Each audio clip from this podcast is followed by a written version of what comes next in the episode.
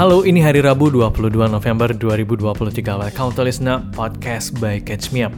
Hari ini kita bakal bahas pengungsi Rohingya yang ditolak sama masyarakat Aceh, upaya diplomasi dari negara-negara Oki di tengah serangan Israel ke rumah sakit Indonesia, dan kesepian yang ternyata jadi prioritas kesehatan global.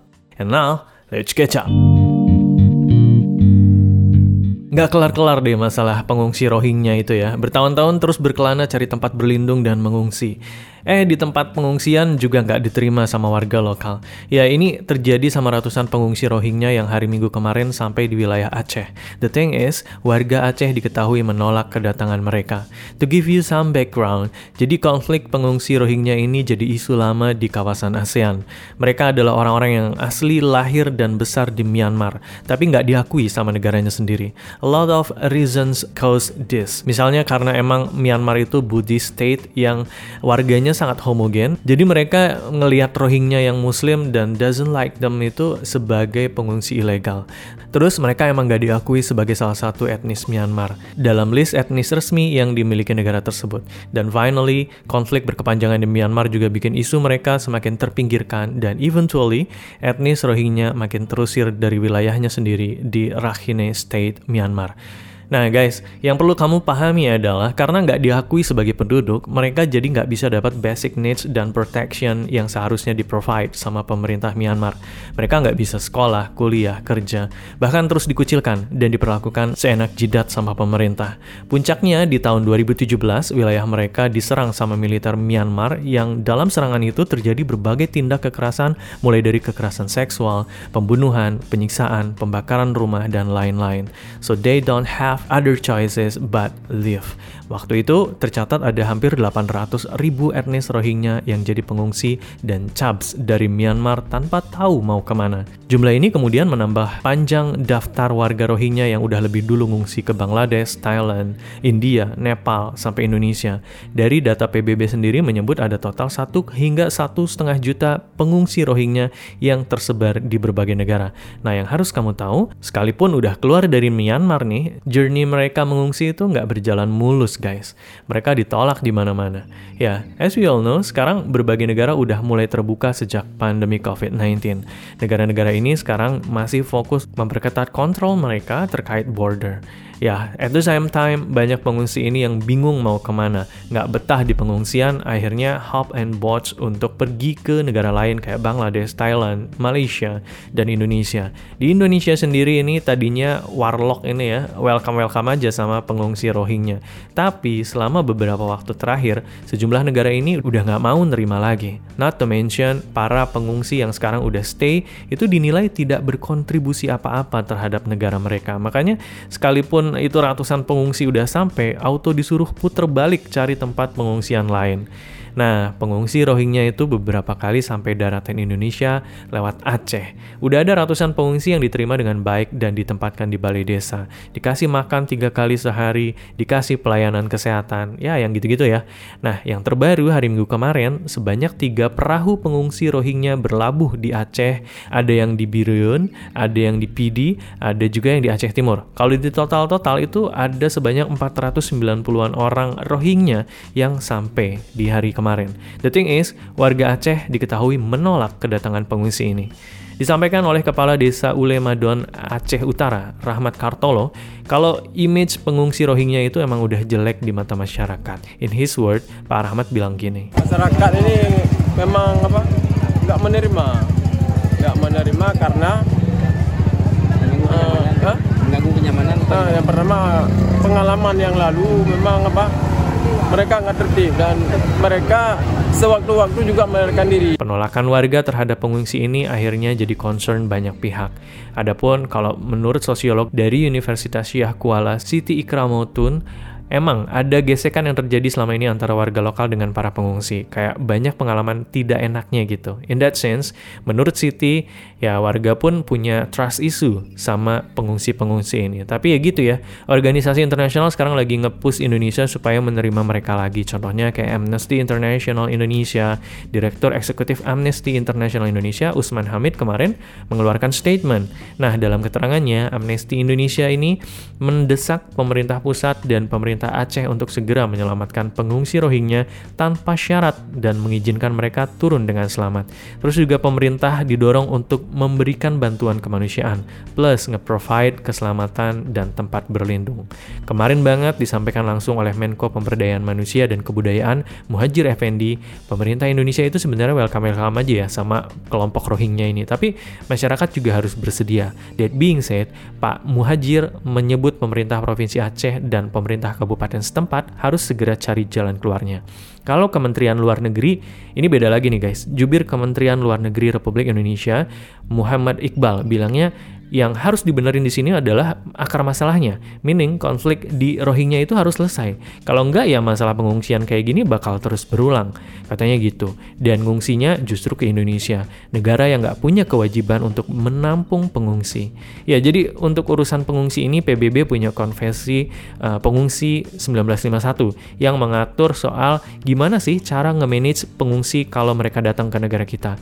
Nah Indonesia tuh nggak meratifikasi aturan itu. Jadi ya kalau selama ini Indonesia memang menerima pengungsi ya itu karena sebatas asas dasar kemanusiaan, tidak lebih dari itu.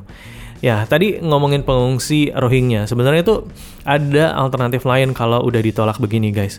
Ya, sebagai implementasi dari peraturan Presiden nomor 125 tahun 2016 tentang penanganan pengungsi dari luar negeri. Pemerintah Indonesia tuh harusnya kudu bisa kasih alternatif daerah lain kalau terjadi penolakan pengungsi. Menyikapi hal ini, Dinas Sosial Aceh juga masih menunggu instruksi. Tapi ya, itu tadi ya, secara hukum internasional kita tuh nggak harus ya quote and quote. Oke, kita ke berita selanjutnya. Sudah sebulan lebih nih warga di Gaza, Palestina diserang habis-habisan sama tentara Israel. Berbagai upaya dilakukan oleh penduduk dunia, pemerintah negara-negara dunia, hingga organisasi internasional untuk bikin Israel mau menghentikan serangannya dulu. Dimulai dari aksi demo oleh warga yang turun ke jalan, desakan PBB, sampai pemimpin negara-negara, contohnya ya Pak Jokowi, yang request langsung ke Aki Biden untuk mendesak Israel melakukan gencatan senjata di Gaza. Baru aja effort terbaru dilakukan oleh negara-negara OKI guys. Jadi kemarin nih, para delegasi dari negara-negara mayoritas berpenduduk muslim di dunia datang ke Beijing, China ya, untuk membahas agresi militer Israel ke Palestina. Para delegasi yang berasal dari negara Arab Saudi, Yordania, Mesir, Palestina, termasuk Indonesia, beserta Ketua Organisasi Kerjasama Islam, aka OKI, sengaja datang langsung ke China sebagai upaya diplomasi untuk menghentikan berbagai serangan Israel ke Palestina. Upaya ini juga berlangsung di tengah serangan Israel di rumah sakit Indonesia yang ada di Gaza, Palestina. Jadi as we all know, beberapa waktu lalu kan KTT Oki baru aja selesai digelar ya. To refresh our memory, Pertemuan Oki kemarin itu menghasilkan banyak banget resolusi akhir untuk menghentikan agresi Israel ke Palestina. Salah satu poin resolusinya adalah dengan menggunakan upaya diplomasi ke berbagai negara untuk sama-sama menggalang dukungan dan mendesak Israel menghentikan serangannya terhadap Palestina. Nah, China yang sekarang menjabat presiden bergilir Dewan Keamanan PBB jadi negara pertama yang mereka tuju.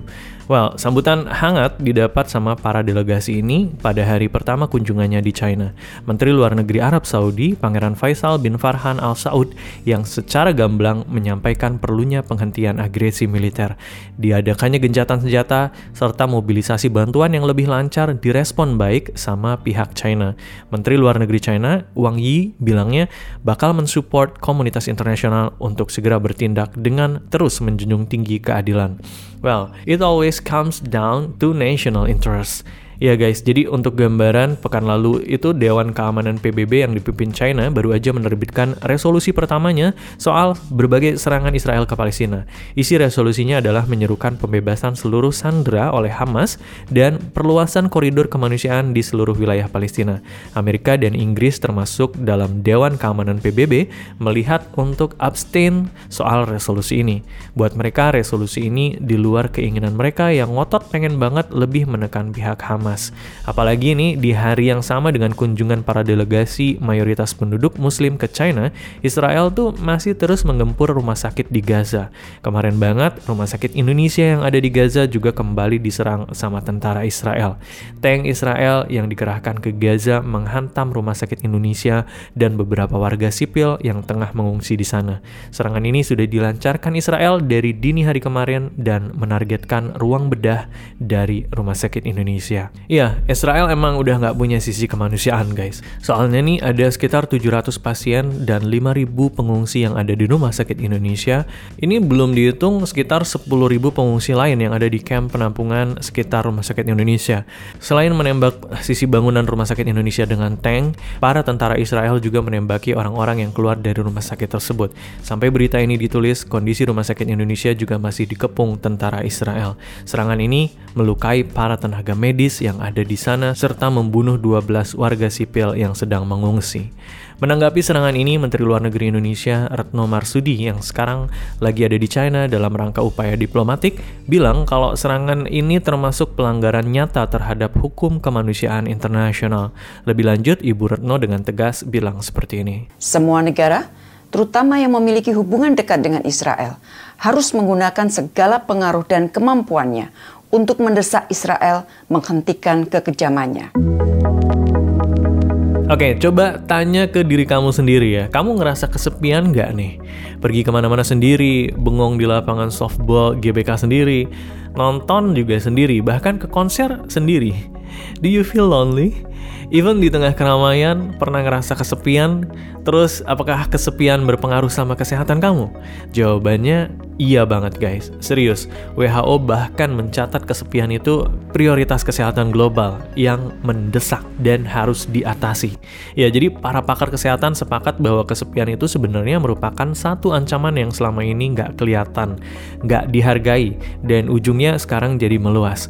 Nggak cuma itu, kesepian juga disebut nge-trigger berbagai penyakit, mau itu penyakit mental kayak depresi dan anxiety, sampai penyakit fisik kayak yang menurunnya kekebalan tubuh, resiko risiko stroke, bahkan demensia. Makanya ini harus dirubah ya. Make sure kamu punya circle orang-orang yang baik, sehat, supportive, dan gak julid. Kalau udah punya, keep them close. Karena hubungan sosial itu perlu effort guys. Kamu harus maintain dengan chattingan, teleponan, meet up, every now and then.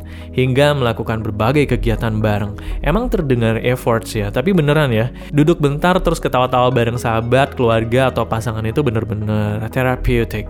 Ya, di tengah-tengah dunia yang sangat kapitalis ini. Oke, itu dia untuk listen up episode kali ini. Sampai ketemu lagi di episode selanjutnya di hari Jumat. Bye now.